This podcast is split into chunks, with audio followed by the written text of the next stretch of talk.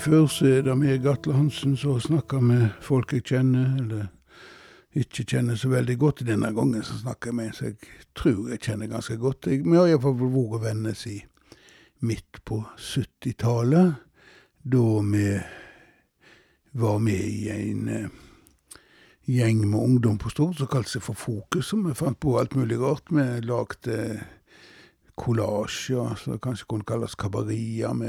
Vi lagde filmer, vi skrev dikt, og vi sang, og vi holdt på. Og så eh, reiste vi hver til vårt etter hvert, så vi vokste i og ville noen ville utdanne seg, og en av de som reiste vekk, og først fort Stavanger, og da fulgte jeg litt etter han en stund, og seinere til Bergen, og der ble han ikke bare utdanna historiker, men han enda opp som professor i historie på Universitas Bergensis. Han heter Geir Atle Ersland, er fra Hystad på Stord. og sitter nå framfor meg.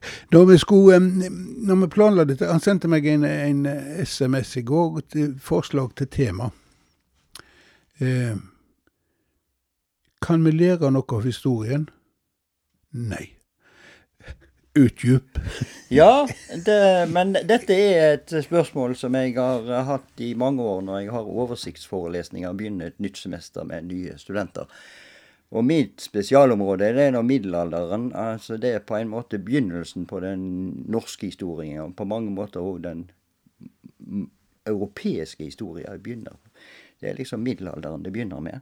Og eh, Så det er litt som tar opp sånne overordna spørsmål. Det passer seg. og da når jeg stiller det spørsmålet kan vi lære av historier, så er det veldig eh, artig hver gang. For da fyker nesten alle hendene opp, og de vinker nede i auditoriet er helt tydelig at da mener de det er bra. De tenker at det er best å si det, eller være enig med det i utsikten, for der står jo professor. Professoren, og, og, og, det inviterer på en måte til velvilje. Jeg kan ikke benekte det han sier, det høres jo klokt ut. Det er et godt spørsmål. Og Da så spør jeg de det neste rent retorisk. Er det noen som har eksempel? Og da kommer alle hendene ned igjen. Og eh, så sier jeg at nei, nå tror jeg eh, vi er inne på noe. Det er veldig vanskelig å lære av historien. Og da vil kanskje mange protestere på det og si jo, vi, vi må eh, lære av våre feil i fortida, og vi må vite at uh, slik har folk gjort det før, og kanskje det er en god måte å gjøre det på en gang til hvis de har gode erfaringer med det, osv. osv. Og det er viktig å ha historiefag for, uh, slik at folk vet hvor de kommer ifra, og hvem de er, osv. Uh, det siste er jeg jo for så vidt enig om, men om vi kan lære av historier, det syns jeg er problematisk. Og en av grunnene til det, eller hovedgrunnen til det, er jo at historisk eh, tid og historiske erfaringer de er basert på ei tid der ting var annerledes. Det vil si at det faktisk vi lever i et helt annet sammenheng, og vi har ja. helt andre referanser. Har helt andre kunnskaper, helt andre erfaringer, som vi må bygge på vår kunnskap. Men ja. historien er jo en del av denne kunnskapen. Ja, den er jo det. Er, vi er jo eh, våre handlinger er jo erfaringsbaserte, da. Mm. Eh, med mindre vi har fått for mye å drikke. Da går ofte erfaringer vekk. Men, men det er noen særtilfeller, ja, da, eh, for de fleste av oss. Og, eh, men altså dette at vi eh, skal lære av feil. Eh, Folk tenker jo ofte på sånne storpolitiske sammenhenger. ikke sant? Så sier de ja, husk på hvordan det gikk på 30-tallet osv. Men det er så mye som er forandra fra den tida at det er veldig vanskelig å lage den parallelliteten som gjør at ja, de erfaringene må vi nå bruke. Altså Vi kan komme til å gjøre kapitale feil rett og slett fordi at vi, vi sammenligner epler og pærer, eller hvordan det nå er. Det er, slik er det med historie. Men det, det, det, er viktig Jeg mener jo så klart jeg mener at det er viktig med historisk kunnskap. Hvis jeg hadde benekta det, så ville jeg bli fratatt lønna mi, og det vil jeg jo helst ikke. Du vil ikke fjerne historiefaget? For å si Nei, jeg kan ikke sage over den Nei. historiske greina en sitter på. Si men, sånn. men eh, litt sånn personlig eh, hvor hvor starta de interesser for historie? For når, jeg, når vi ble kjente, så var du en litt sånn eh, var ung mann i grå frakk og sjal rundt halsen som likte å tegne og høre på punkemusikk. Mm. Ja. ja eh. Ja, og det går nok tilbake til den tida der òg. Jeg, jeg, hører jo med til denne her lykkelige generasjonen som, eh, som vokste opp under 60-, 50- og 60-tallets sosialdemokrati. Der mulighetene skulle være til, for at alminnelig ungdom òg skulle kunne gå på universitet osv. Eh, mye av det har jo forsvunnet på én måte, for nå er det er blitt en litt annen situasjon utdanning er egentlig tilgjengelig på en helt annen måte enn det nå. Men, eh, men det, det, husker du òg tilbake. Det var, eh, det en Det skjedde noe vesentlig akkurat i de åra der, fra ungdomsskole eller eh, folkeskole og sånn, og så blei staka kursen seg veldig fort ut for andre. De skulle gå på realskole, og de skulle gå på gymnas, og det var ikke tilfeldig. Det var veldig få som gikk på gymnas. Når jeg gikk på gymnas, så tror jeg det var under 10% av kohorten, som det heter nå til dag, altså min aldersgruppe, som faktisk hadde tilgang på det. Ja, og vi kommer fra ja. nærmest forbausende like bakgrunner. Ja. Både sentraliserte til Stord og, og, og industriarbeidere. Ja. Ingen som helst faglig eller ja. intellektuell Ja da, jeg har tenkt mye på det der. Mens eh, mange andre de kom jo til eh, studiene fordi at de hadde foreldre som kunne sette dem på sporet så pleier jeg å kokettere med at eh, jeg vet nå ikke om eh, min familie eller de, visste hvordan universitetet staves engang. Altså, det er jo litt firkanta sagt, eller litt sånn flåsete sagt, men, men det, det, er en, en kjerne i dette her at eh, vi måtte finne ut av det sjøl. Og det var veldig vanskelig å forklare ja. hva du drev med når du ja. studerte? ikke sant? Og ikke minst når du møtte onkler og tanter ja. og hele storfamilien, for å si det sånn så, så ble det Å ja, du skal gå den. Du skal gå skoleveien. Men når liksom. skal du komme deg ut i arbeid? Og når skal du komme ut i arbeid? Når jeg begynte på gymnaset, så var en nabo eh, Far min fortalte naboen eh, som da jobba i en sånn lavere stilling i administrasjonen på Stord verft, han kom med en gang med spørsmålet er det ingen som skal arbeide lenger. Skal det bli sånn nå at hvem, sønnene til hvem som helst begynner på gymnaset? Det er, det er, mange som vil protestere og si jeg, men alle kunne gå på gymnaset. Men eh, statistikken viser et helt annet bilde.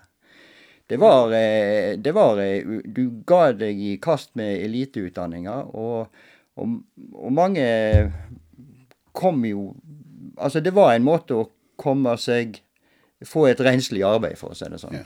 Og, og mange kunne vel iallfall opplevd deg Jeg var jo ikke så strømlinjeforma i min utdanning, verken som high school dropout noen ganger, og mm. kom til slutt til å begynne å studere da jeg var 26 år, ja. så oppdaga jeg at, at uh, jeg kom inn i en I dag heter det en diskurs på fint, ja. pga. at så mange har gått på universitetet. Ja. så heter det diskurs, Men ja. en kom inn i en samtale i et språk, i en, i en, i en språklig sammenheng der iallfall jeg hadde problemer med å kjenne meg hjemme. Altså.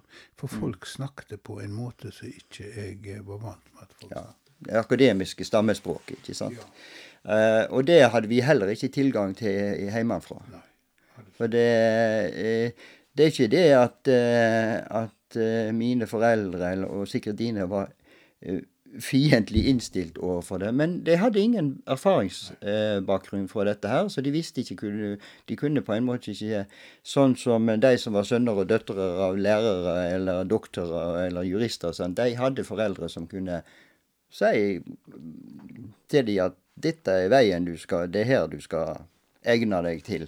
Og, eh, og eh, det er jo, det er jo sånn da at har du ikke den eh, ballasten, så må du finne det ut av deg sjøl. Så vi dreiv jo på en måte Når vi dreiv og rak rundt på eh, og satt på Grand og sånt, det var på en måte sånn forskolen til å begynne å studere. Vi brukte, men vi brukte lengre tid. Det er typisk at vi var, var mer alderstegne enn våre medstudenter når vi endelig kom oss til universitetet og det begynte løpet. Og da hadde vi, men da hadde vi vært gjennom en del av disse ja. Både eh, bøkene og, ja. og, samtalene, men, men ut fra våre egne ja. Ja, forutsetninger. Og, og, og, vi hører da til denne generasjonen som har gjort den store klassereisa, som mange mm. har sagt og kaller det for. Altså, du har reist fra arbeiderklassebakgrunn i oppe i eh, hva heter det? Hustadmarkjo. Hustadmarkjo, ja. ja. Og til, til være i Bergen. Og i dag mm. er du har du et FN-professorat, stemmer det? Ja, jeg hadde det, men hadde det. Jeg, jeg, sa det fra meg.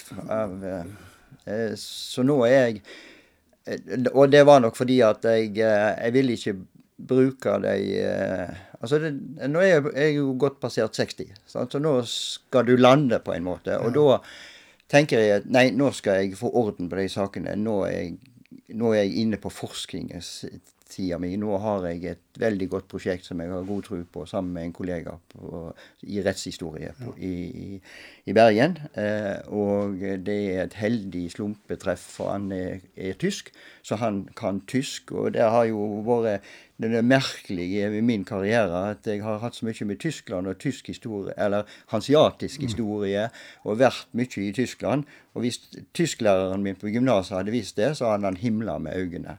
For var det noe han aldri klarte å lære meg, så var det tysk. Men du har klart å lære deg etterpå? Å ja da. Jeg syns jeg er fabelaktig. Ja. Men, men, jeg kan, kan, til og med bestille øl på tysk, hvis det skulle være knipa på. Ja, det, det er så langt skulle jeg òg klare å strekke meg. Men, men jeg har klart det. Men, mm. men kan du kjenne av og til i mørke øyeblikk at du er en vanlig Ersland-skutt med opphav en der i ja.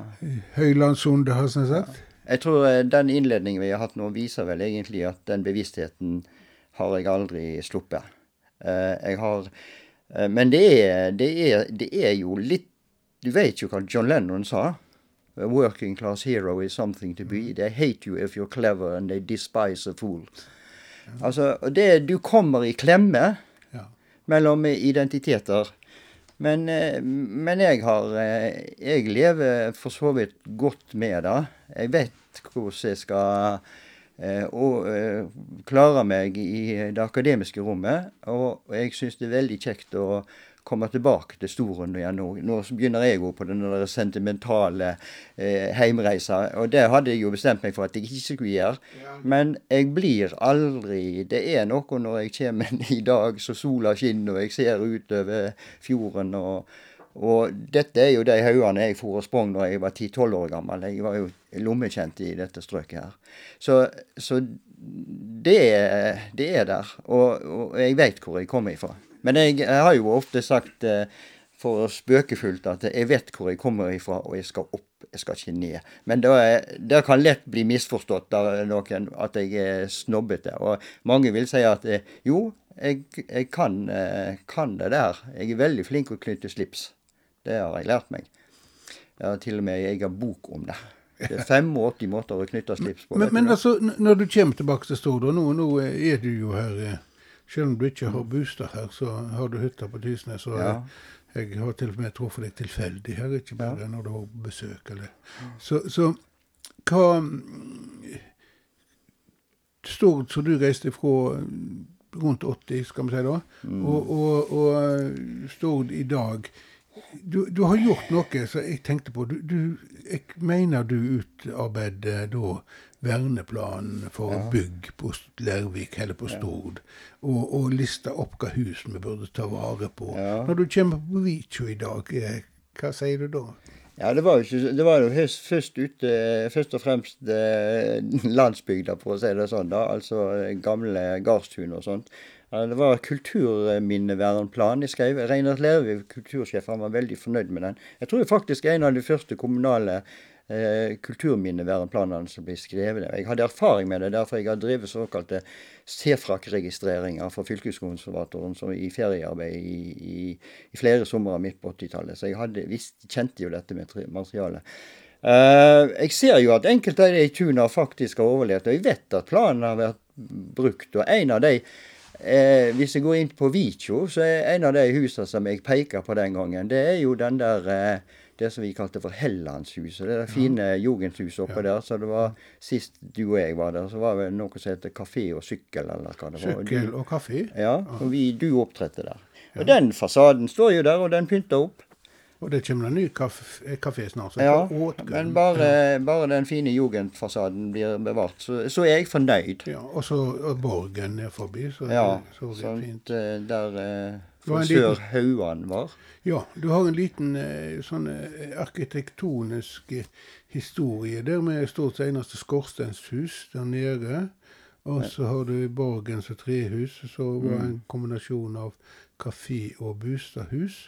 Og så har du Hellandshuset, som står som eneste jugendhus. Ja. Ja. Men det, det, du vet- du vet eh, Når jeg, eh, når jeg eh, bodde på Storen på 70-tallet og sånn, så drev jeg jo og, og lo litt av Vicho og sånt, og de litt sånn streberske eliten på, på Vitjo. Vi hadde jo et eh, De så eh, skjevt på oss, og vi så skjevt tilbake. Og det, det hadde de fortjent. Det Ikke mente- minst oss. Ja. Ikke minst oss. Alt var jo galt med oss, bortsett fra de kunne ikke peke på hva det var. Eh, For vi oppførte oss jo eksemplarisk skikkelig når det kom til stykket.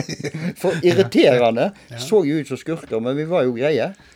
Men eh, da til sies, den gangen så var det jo slik Vitjo ville jo bli by. Leirvik måtte være by. Uh, og ettertid så har jo en av mine spesialiteter, det jeg har dyrka mest som historiker, er jo det vi kaller for urbaniseringshistorie. Og det er et veldig interessant fenomen. Det er et stort fenomen. Det er, det er sånn et av de store verdenshistoriske fenomenene, som befolkningsøkning og miljøkatastrofe og urbanisering. De, de tre tingene der hører på en måte ikke nødvendigvis sammen, men de er store prosesser som går kontinuerlig over hele verden. Det er ikke bare Senterpartiet, pleier å si, de sliter i motbakke, for de prøver å motarbeide eh, sentralisering, men det er ikke mulig. Du kan, du kan det, det Prosessen går liksom uavvinnelig. Det er det måten du løser eller orden, organiserer samfunnet som er det viktige. Men når det til sies, i ettertid så har jeg sett at Vikjo var jo by. Og jeg satt og så på noen postkort fra 1960. Det var en nydelig småby i pastellfarga hus. Det, er også Folgefond og den gamle Folgefondet framfor. Eh, så det var jo en by. Men det som var oppe, det var jo et rent sånn statlig kontor eller noe som bestemte hva som skulle være bykommuner, for det var egne regler for bykommuner. Men Vikjo var jo en by. Og nå er det vel sånn at Stord er blitt by. Hele kommunen skal regnes som byen Stord, ikke sant? Jo, nå er det jo slik at de mener at du kan ikke bare Vikjo til by. For da, da går ikke an. Du må ha hele Stord til by. Ja. Eh, I motsetning til svært så mange kommuner i Norge, som Ringerike, så Hønefoss til by, Ja. eh, Flora, så Florø Her til by. har vi ei kampsak. Denne skal vi reise. Denne Vitjo er by. Og så sier noen vi kan ikke ha en by som slutter på O. Jo, vi har gode eksempler på det. Kan du komme på et? Tokyo. Oslo. Uten sammenligning for øvrig.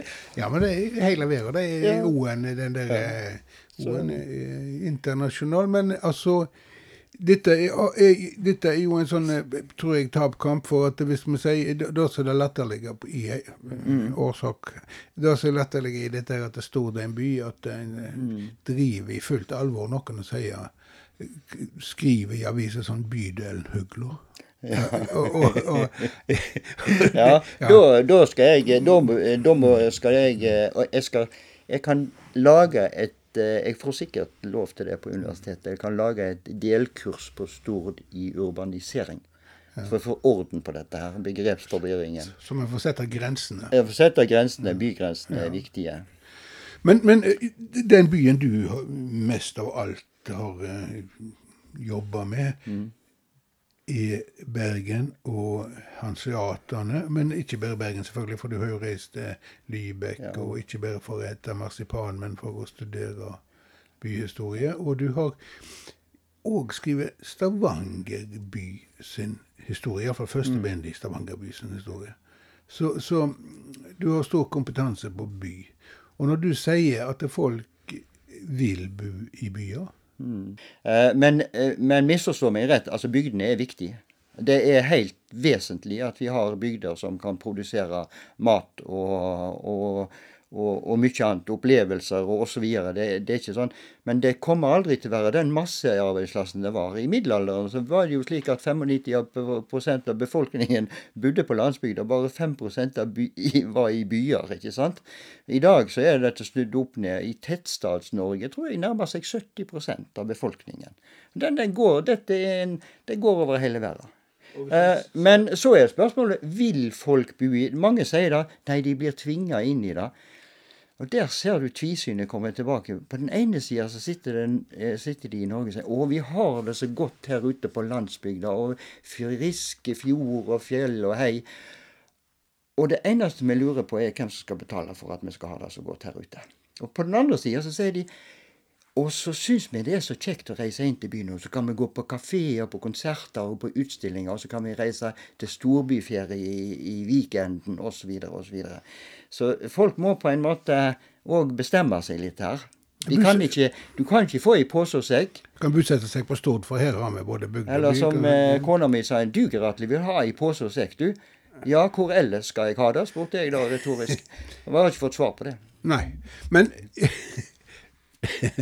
Det var typisk Gerhard Lersland utsagn for øvrig. Men eh, så, så eh, jeg, jeg, tenker Hvis du ser på, på det store, store, store spørsmålet, klimaspørsmålet, miljø, klima, så er det kanskje bedre å bo i by enn å bo på landet. Altså at en får mindre transport, mindre Det er mye mer effektivt. Du kan gå på jobb i stedet for å kjøre dieselbil din og alt mulig mm. Vet du, I dag så, så jeg eh, et eh, godt eksempel. Jeg kjør, tok ferja over fra Tysnes til Hodnanes. Der kom Ølenbetong ene veien til Tysnes. Tre svære betongbiler. De skulle helt sikkert opp til han der eh, Onarheim til han Alsaker, banelegger. Han driver jo stadig og bygger og bygger og bygger. Mm. Og på ferja tilbake med meg var det to andre betongbiler som skulle i retur. Og gud vet hvor de lager den betongen hen.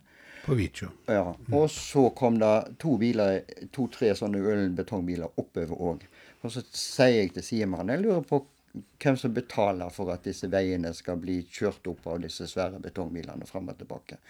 Og der har du liksom det der det har, Alle snakker om det kortreiste, men ingenting er bedre når det gjelder kortreiste enn by. Nei, sånn?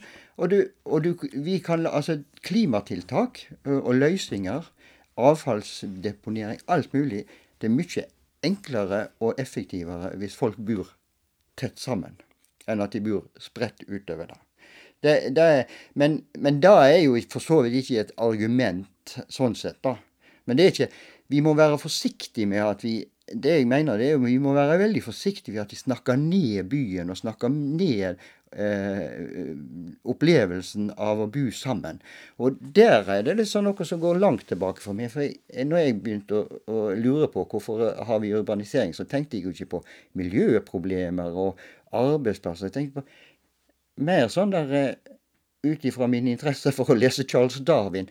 Hvorfor Hva slags art er mennesket? Vi er jo sosiale dyr. Med maur med maur. Vi liker oss så godt sammen, og det ser vi jo nå i den pandemien vår. Vi begynner jo snart å bli desperate, for vi har ikke fått håndhelse på folk på et år. Men samtidig så er det jo byen ja. som er den største faren her, for at det er ja. der pandemien trives. Ja. ja. nettopp. Det er altså den, den, den Ja, nettopp. Det, den væreformen som vi vil ha, den er jo mest Den er òg blitt en trussel mot oss, ikke sant? For jeg har tenkt òg at, at byen er sånn strategisk En samler folk bak, bak mm. Eh, voller eller murer ja. for å beskytte seg mot, ja. mot inntrengerne. inntrengerne. I dag er det dummeste du kan gjøre. Ja. Hvis du skal beskytte deg mot inntrengerne og klumpe deg sammen. For da slemper de bare bomba i hodet på deg, eller gassen i hodet på deg, og da får du utrydda flere på kortere tid. Er ikke det ja. rett? Ja. Jo, hvis du tar den sånn ut og tenker på liksom den der store katastrofen. Men, men jeg tror ikke vi Folk eh, på 50- og 60-tallet så hadde de jo liksom denne her eh, skrekken for atomkrigen og, og, og våpenkappeløpet og den kalde krigen. og Det er jo først i ettertid vi har skjønt hvor nære på det var, ikke sant, og hvor ille det kunne ha blitt. Eh, men, men disse mennesker har jo en tendens, eh, og heldigvis for det, de er flinke overlevere. Sånn at eh, hvis vi skulle sette oss ned og tenke uff, da himmelen Da blir vi sånn som i Astrix og Obelix. Eh, det er landsbyen. Det er bare én ting. De har jo styrkedråper, så de er jo ikke redd for noen, bortsett fra én ting, og nemlig at himmelen skal dette i hodet på dem. Men hvis du, hvis du sitter sånn og liksom spekulerer på det verste som kan skje, ja, da begynner jo livet å bli litt trasig. Og det vil vi jo helst ikke. Vi vil jo helst ha det litt moro. Sitte på terrassen og, og se utover fjorden og hilse på naboen og kjøpe, ta seg et glass vin og være sosiale. Og, og så får nå eh, morgendagen være morgendagen. Altså, vi er optimister. Mennesker er optimister. Hvis ikke mennesker hadde et optimistisk gen, for å si det sånn, så ville vi jo ikke sett dagslys. Eller ville, den soga ville vært over for lenge siden. Men vi må ha noen som tenker de tankene at det kan komme. Det, ja, dette, dette klart, men vi er, jo, vi er, jo, ikke uforberedt på katastrofen heller. Um, når, du, når, du, har jobba med, med hans, Hanseaterne, med utviklinga av Bergen by, så har dette i stor grad da handla om påvirkninger utenfra. Om, om, folk som kommer til Norge og påvirker byen, og skapt eh, for så vidt sitt eh, eh, sin, egne, eg, sin kultur påvirka av heimlandet. Ja, det er sånn Det er jo ikke så ensidig. Jeg prøver å Det er jo ikke bare vi som er påvirka av andre. Vi har jo påvirka andre, vi òg. Uh, hvis du kommer uh, til Lübeck, så har de et ord for uh, noe som heter skyttung. Og da sier de det er et ord som de egentlig ikke hadde i nedertysk, som de snakka i middelalderen. Det har de henta fra Bergen, for i Bergen hadde de skjøttstuer, samskuddsstover, når de bodde i disse bygardene sine, og kalte seg jo for husbønder òg. Eh, den opprinnelige bybefolkningen. Og så hadde de sine kjøttstuer. For de hadde felleslokaler der de kunne samles, særlig om vinteren. For der kunne de ha oppvarma rom og dele på utgiftene. og og ete sammen og, og sånt. Så det er viktig. ikke sant? Det, det å ete og drikke sammen er jo noe av det mest sosiale vi gjør. Vil du si at kjøttstuer i Bryggen og sånt ikke er hanseatiske greier. Nei da, de er gammelnorske. Det, det, du ser de eldste diplomene eller dokumentene om dette, de kaller jo for skytningsstova. Sam, samskuddslag. Og det ordet har de importert til Lubek. Det brukte de på sine gyldehus. Så, så det, det, det, er ikke sånn at det kommer noen utenfra og påvirker oss. Vi har jo en tendens til å tolke alt historisk som om, om det handler alltid om at noen er, har overtaket, og noen er underlagt. ikke sant? Men, men, det er jo en sånn modell som, som, som på en måte ikke fikser at vi faktisk interagerer veldig godt med hverandre. Mennesker Folk som eh, Byene er jo et laboratorium på en måte for hvordan folk løser problemer. For før du vet ordet av dem, så, så, har de laga sine egne språklige sjargonger osv. Fordi at det viktigste språket, det er jo å bli forstått. Hansiaterne eh, ble møtt av en befolkning som forsto deres språk så mye at de kunne interagere på en god måte. Og samtidig så forsto hansiaterne eh, den talte norsken i Bergen. Ja, på samme måte. Så de kunne Ja. Eller Nei, at de Ja, det er jo, det er jo mye likt òg, da. Men, men at uh, hvis du tar den tesen i sin uh, fulle konsekvens, så blir det at jeg, det som jeg skulle snakke engelsk til deg, og så snakker du norsk til meg. Og det ville gått utmerket, da. Ja. ja. Sant? Nettopp. Men, uh, men, så har du jo sånn som med bergensk. Du vet jo at Bergen har bare to kjønn. ikke sant? Ja, ja. Og grunnen til det, det er jo typisk sånn i handelskulturer så blir språket forenkla. Fordi at det viktigste er ikke å beholde et komplisert språk, men å, at du blir forstått av mottakeren. Og her har jo f.eks. jeg mener at mållag og sånt trødd feil av og til når de dyrker liksom den der at skal du være en ekte nynorsking, og skal du være ekte, skal du holde på dialekten din i alle sammenhenger, og, for du må ikke gi slipp på identiteten din. Problemet med det er at du blir stående der og, og, og, med, med, dialekten og målet ditt, og folk hører på og lurer på hva er det han sier. Hva, hva betyr det ordet der? Det løgna ordet der, hva betyr det? Så, så, så, dermed så blir hele samtalen kontraproduktiv, fordi at du bruker eh, språket ditt som en identitetsmarkør for hvem du er, og ikke det som språket er til, nemlig å kommunisere med deg, med den som står overfor deg. Da fører, da fører til ei eh, på sikt utarming av språkmangfoldet. Ja, Og, Språket endrer seg jo hele tida. og ei sånn eh, Ja. som går, En strøm som går, går parallelt med sentraliseringa mot Ja. et uh, Ja da, altså bergensken den utvider seg og utvider seg. og Ja. Men altså sånn har det vært så i middelalderen òg. I middelalderen så sa de tak for tak, Mhm. og tak for å ta et tak. Ja. I dag sier vi tak for begge deler. Vi har glemt den der eh, bokstaven der som ser ut som en strek med en bul på. Thak. Mm. Det var et thak, et håndtak. Men et tak med en T, det har vi over huset. på Men de har, de har det på Island. Ja, fremdeles, Ja, den- klart. det- For, for de eh, har jo blitt liggende igjen der ute i glemslo. Ja. Så det blir et spørsmål om tid før uh, Islendingene tar til vettet òg. Ja. begynner å snakke engelsk. Ja. Nei, nei, dette er klart, dette, men det er kjempeinteressante spørsmål. Ja. Men vi, og jeg sier ikke at en skal legge av seg dialektene sine, men en skal være veldig bevisst hva, hva, hva en bruker språket til. Er det for å kommunisere med andre, eller er det for å ta vare på en identitet og en kultur osv.? Det, er- det er ikke alltid at de tingene går sammen. Jeg må håpe at til Vitju igjen, jeg går stort, For jeg, kommer på vi gikk der og filma og så på de Vi så på, vi var øyenvitne til at uh, Borggata ble riven. Det er et trehus. og og så kom da disse grå kassene. Jeg husker vi sammenlikna de med skoesker i en Ja. forestilling vi lagde. Eh, og i dag så prøver de å kle de inn med tre, som om det skal være noe finere. sagt. Og så har de bygd, eh, bygd eh, blokker og alt eh, slags slikt for noe på Vikjå. Ja.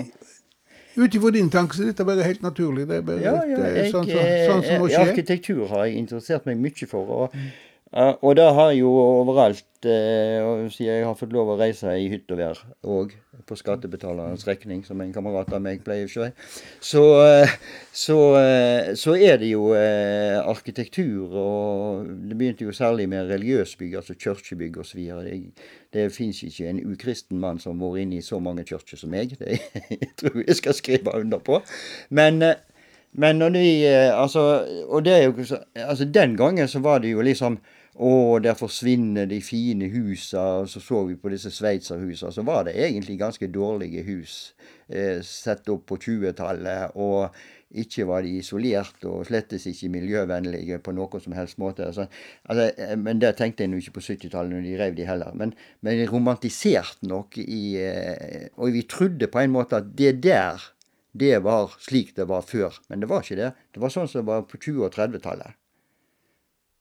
Det var bare den perioden. Altså, men vi identifiserte den, for vi syntes det hørtes så lenge ut. Så det hadde på en måte en Da var vi i kontakt med evigheten. Men, og det var, var bare en liten kikkeluke i historiens løp, det òg. Og da kan du gå på Visjo i dag og si at ok, nå ser vi slik, slik er det nå.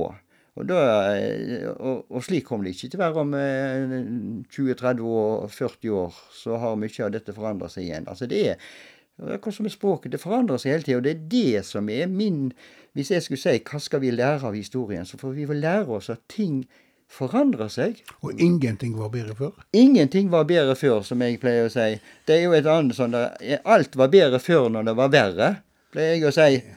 Eh, og så er det noen som lurer hva mente han med det? Og så er det noen som skjønner ironien min, og så ler de, da. Men eh, det er jo sånn. Altså, vi har en tendens til å se på fortida og si å nei, men tenk på gode gamle dager. Og da tok folk i, i, godt i vare hverandre og var hensynsfulle. Men i dag er det bare pengejag og alt som er blitt ville. Tja. Den norske bonden for 100 år siden han var nå opptatt av skillingene, han òg. Ja, og han hadde ikke så veldig bra, iallfall ja. ikke alle av de. Men eh, når du sier dette, så kommer jeg til plutselig på det med før jeg slo på opptaket. Han snakket om folk, hvor, hvor snille vi var med hverandre og gode før. Mm. Eh, du er middelalderhistoriker, og du eh, forsker på denne eh, overgangen imellom da nødvendigvis mellom det heidne samfunnet og det Ja. kristne samfunnet. Og nå mot slutten av dette så kan vi kanskje snakke litt om jeg har vært på Stord. Kan vi kanskje reise til min heimstad Moster, der jeg kom ifra. Der, der kristendommen kom og ble knesett i Norge. Og, og ja. vi skal snart feire dette her med stort jubileum. Eh, ja. Det var, var overgangen fra det, det no, he, gamle førkristne samfunn til det kristne veldig, veldig stor? Eh, jeg tror altså i, i, dag så vil nok eh, mange si at vi har overdrevet denne kristningsprosessen som om den skulle være noe som skjedde veldig raskt.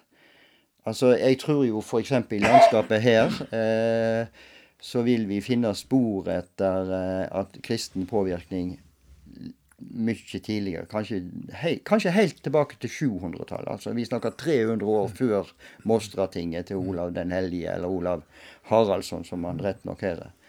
Det der med hellige, det kan vi nå diskutere. Men, eh, men, eh, men, men men det er, jo, det er, jo, en del av den nasjonale historieskrivinga som, som, slår igjennom på 1800-tallet, når Norge blir selvstendig etter 1814. Så må en skrive eh, kongerikets historie òg. Altså vi må skape den nasjonale identiteten. Og Da triver vi etter sånne fortellinger og, og skrur de sammen og komponerer det slik at det høres ut som det er en logikk i dette. Så kom rikssamlingskongen, og så kom kristninga osv. Disse ting går sammen, og det skaper et rike og, og sånn. Og så, og så får vi den fortellingen, og det funker bra, den.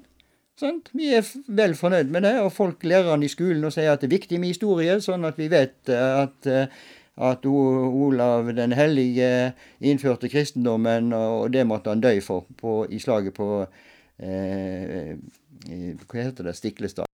Ja, men, men altså, den Bare for å vise det. Husk, hvem var det Olav den hellige falt for? Eller Olav Haraldsson falt for?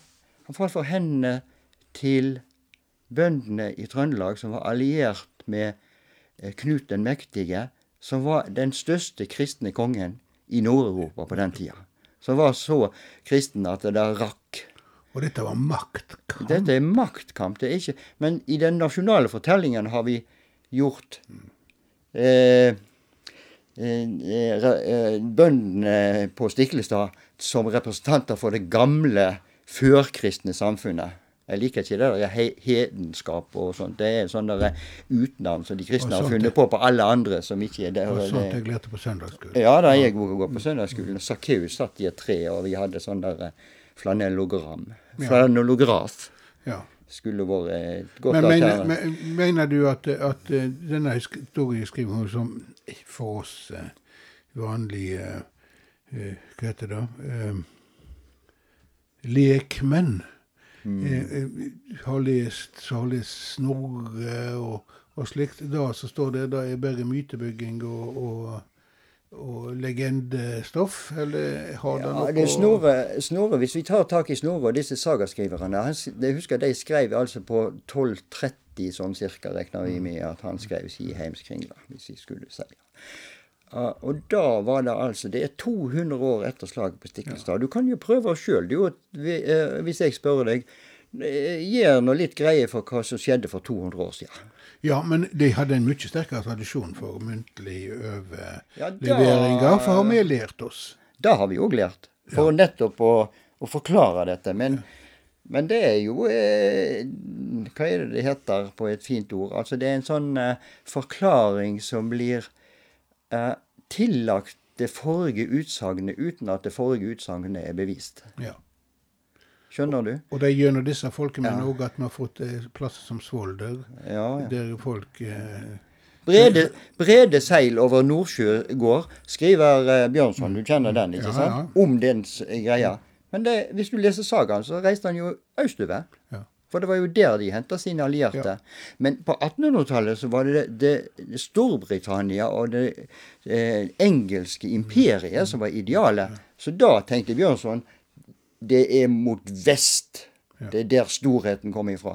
Men leser du sagaene, så ser du at alle kongene, til og med Olav eh, den hellige, når han blir slått i, eh, i første slaget i eh, 1028 så flykter han. Han flykter til Holmgard. Altså bort ved Novgorod og på slettene der har det vært der. Det er fantastisk. Der må vi reise en tur. Og der hadde de sine ideer. Og hvis du leser, Det var der de henta dronningene sine. Der henta de sine mågeskap, for Og å si det der sånn. henta de slavene sine. Slav, ja, nei, trellene de reiste de og, uh, i viking vestover og, og røva med seg hjem igjen. Sant? Så, så det er jo vi som har Men på 1800-tallet så skulle det jo ikke være i Vi skulle jo ikke skrive nasjonalhistoria vår, nasjonalslekta vår, for å si det, inn i en slavisk kulturkrets. Klart vi skulle være i en engelsk-germansk kulturkrets. Men det du trenger, du trenger ikke være eh, skriftlærd for å, å se den der. Men, eh, men den er solgt inn. Det var jo lenge etter Snorre skrev. Men vi har en samtidsberetning. Det er jo det historikerne virkelig er ute etter. Er det noe som er fra samtida, de såkalte samtidskjeldene, de tror vi mest på. For de er kommet til i den samtida, og de har ofte et annet De har ikke, de har ikke et fortellende grep, et narrativt grep som blir tatt an nå, eh, eh, som skal overbevise publikum. De er en rein, det er som en rapport eller noe sånt, og der har vi Ottar fra Hålogaland. Som er helt oppe i nord. Han forteller at han har vært langt mot Bjarmane. Han har sleit rundt den der Kolahalvøya inn i Kvitehavet og sånt, og, og så vært tilbake. Og så har han godset sitt der oppe på Hva er det det heter? Eh, I, I Troms, ytterst oppi der. Og så reiser han i handelsferd nedover. Og det er han som nevner dette. I, i tre uker reiste jeg sørover med nordmennenes land på styrbord side. Eller er det babord? Det blir nok barbord hvis de reiser sørover. Ja. Ja. Så i, og så kommer han til Kaupang i Skiringshallen, som vi vet hvor er. Det er i Vestfold. Og det har jo gravd ut denne Kaupang. Og mange har sagt det er Norges første by, og det er noe tull, ser jeg. Men, det, men eh, Og så derifra reiser han videre. Og så kommer kom han helt ned i det som i dag er en del av Tyskland. Eh, helt nord til det som kalles for eh, Hedeby, eller Heitabo, som det het. Lå litt en annen plass fordi at nordmennene brente den ned i 1066, men det pleier vi ikke å snakke om. Og derifra så har han tatt seg veien. Nå vet ikke om han seilt tilbake, antageligvis seilt tilbake om Jylland og så over til, til, til Vessex, Wessex, kongeriket Wessex, som var det eneste engelske kongeriket som hadde beskytta seg mot vikingene, og vi aldri ble erobra. Og der møter han på eh, eh, kongen, som hører om denne, og han lar denne fortellingen skrive ned i den store angelsaksiske historieboka som han har liggende til i hver tid, eh, og fører inn nye eh, opplysninger. Og Der står denne opplysninga om det. Og den er interessant av så mange grunner. Vi hører ikke om verken rikssamling eller Det er jo på Harald Hårfagres tid. Det må være i ca. 890 denne turen er gjort. Ingenting om det. Han sier at nordmennenes land sier han, det, det er det vi nå etter hvert blir kjent som Norge. Han har seilt med dem langs kysten. Han har stoppa ikke noen plass. Det er ikke noen plass i Bergen å seile inn til. Han kommer ikke til noen plass å handle før han kommer helt ned til Skiringsdal, altså i Vestfold. Så han har bare observert landet uten. Ja. Han sikkert, De seilte jo ikke om natta, da, så han har sikkert eh, Kanskje han ligger borti der i nattle, hatt nattleie borti på Notto. Ja. Ikke sant? Det er jo Notto er jo ofte et navn som går på disse hvor de hadde nattleie. Og, så, og det er ikke noe konflikt. Det er ingen vikinger han støter på. Alt dette som vi har blitt opplært til å fortelle om den såkalte vikingtida og herjing av konger og slåss. Fredelig handelssamfunn er det han forteller om. Det er den eneste samtidsgjelda vi har. Men han er jo ikke i land, så han kan fortelle om hvordan, hvordan folk var her. Nei, men eh, jo, han har vært i land her, men det var jo helt uinteressant. Kongen i England han vi vet eh, Hvor er de viktigste plassene du har vært? Jo, jeg har vært i Jeg kom helt ifra nord. Der går sola aldri ned om sommeren. Men- Og så, og det syns kongen er rart. Og så kommer han først der, og så er videre sørover, og så eh, til England. Så han forteller verken om Bergen eller Karmsund. Nei, ikke fantes det noe Bergen, og ikke var det det var. Så hvis jeg Men det kan jo ikke jeg- dikta opp etterpå. Nei, altså de er jo historiske personer, men, men, men sagaene, slik som, som har overlevd, de har på en måte uh, Jeg skal ikke si dikta opp, men de har hatt et behov. På 1200-tallet var det norske kongedømmet blitt et stort eh, kongerike. Med en konger som, som, ville være noe. De ville være ekte konger og sammenlignes med den franske og den engelske kongen. Og de begynte å bygge seg slott, og i Bergen bygde de Håkonshallen ikke sant, på den tida.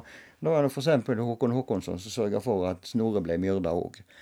Men der snakker vi heller aldri. Men han fikk også noe til å skrive en, en Nei, eh, det var en slektning han skrev, skrev Håkon Håkonsson-saga. Ja.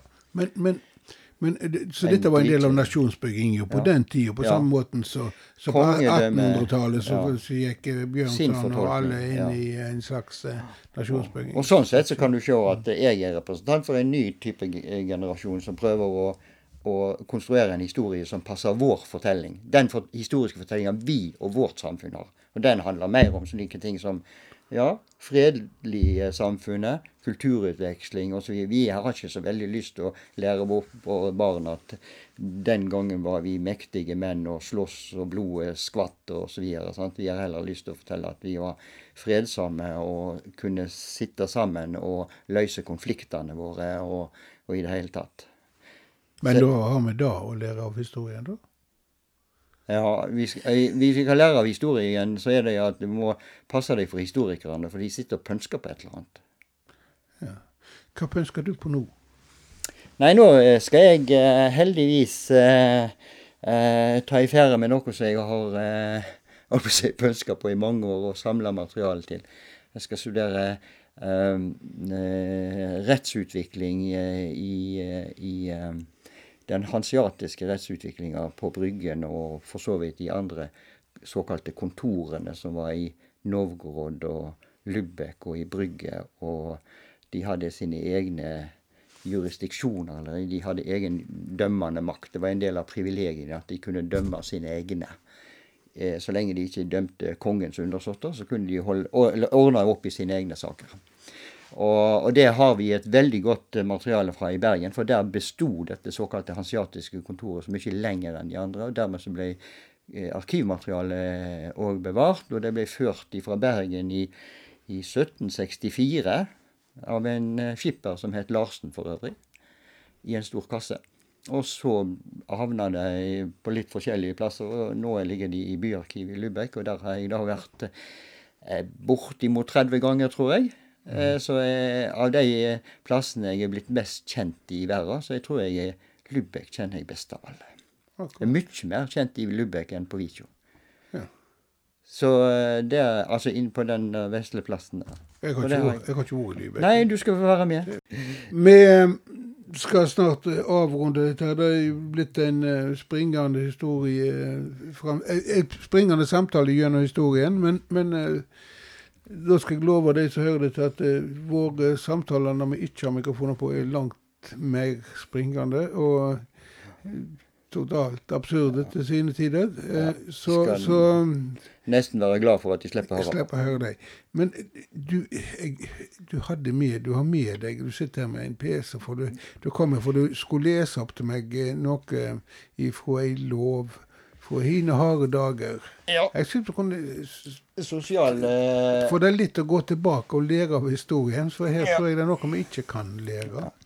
Ja, vi skal iallfall Jeg vet ikke om vi kan lære noe av dette, men, men mange snakker jo om den nye religionen, og hva det, den hadde påvirkning på, på samfunnet. Ja, det var liksom dette jeg prøvde å komme inn på for ja. en stund siden, men da så, eh, så, er det jo slik at eh, hvis vi ser, Det er jo disse kristenrettene de skal feire nå på inn, eh, De setter kristenrettene Olav Haraldsson og han, biskopen hans, som han hadde vært henta i England, Grimkjell. Ja. På Moster i 1000. Det betydde jo at eh, nå kom kristenrett, altså kirkas eh, lovfortolking, skulle inn i loven. Derfor begynner Gulatingslova f.eks. med kristendomsbolken. Og den var jo opptatt av at folk skulle eh, oppføre seg eh, og, og lye det kristne buda, ikke sant. Det skulle inn i det. Og kirka fikk jo domsrett i slike saker etter hvert. Det var en av grunnene til de ble så rike. For de kunne dømme folk etter kristenrettene, og da kravde de bøter. Og, og, og, og det å kreve bøter, det er jo veldig lukrativt. Det vet alle. som har eh, hatt anledning til det.